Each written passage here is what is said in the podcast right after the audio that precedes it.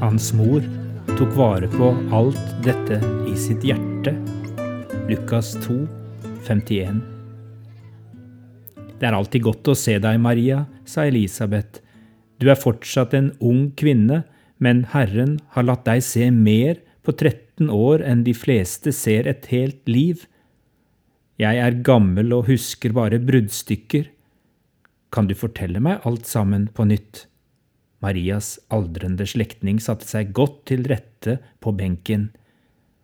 Jeg kan forsøke, sa Maria og tenkte seg om.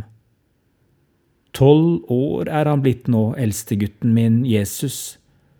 Jeg var bare tenåring da jeg fikk han. Siden kom det tre til på rekke og rad mens vi var i Egypt, strevsomme år på flukt fra han som ville ta Jesus fra oss.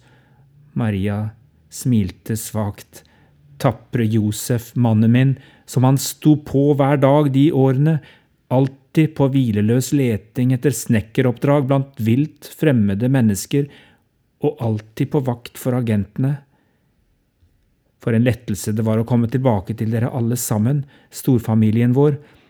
Herodes, som ville drepe sønnen vår, er borte, men du, så trøtt jeg kjenner meg enda. De første årene var som en eneste lang, søvnløs natt, sukket Maria.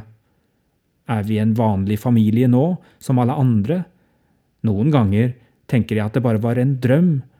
Alt det med engelen, det uventede barnet, fødselen i stallen, vismennene, flukten fra den onde kongen. Men nei, like sikkert som at Jesus er vår lille gutt, like sikkert er det at han er noe mye mer. Hver gang jeg ser på han, blir jeg minnet om det. Jeg tror han begynner å forstå det selv. Fortell mer, sa Elisabeth. Vi har god tid.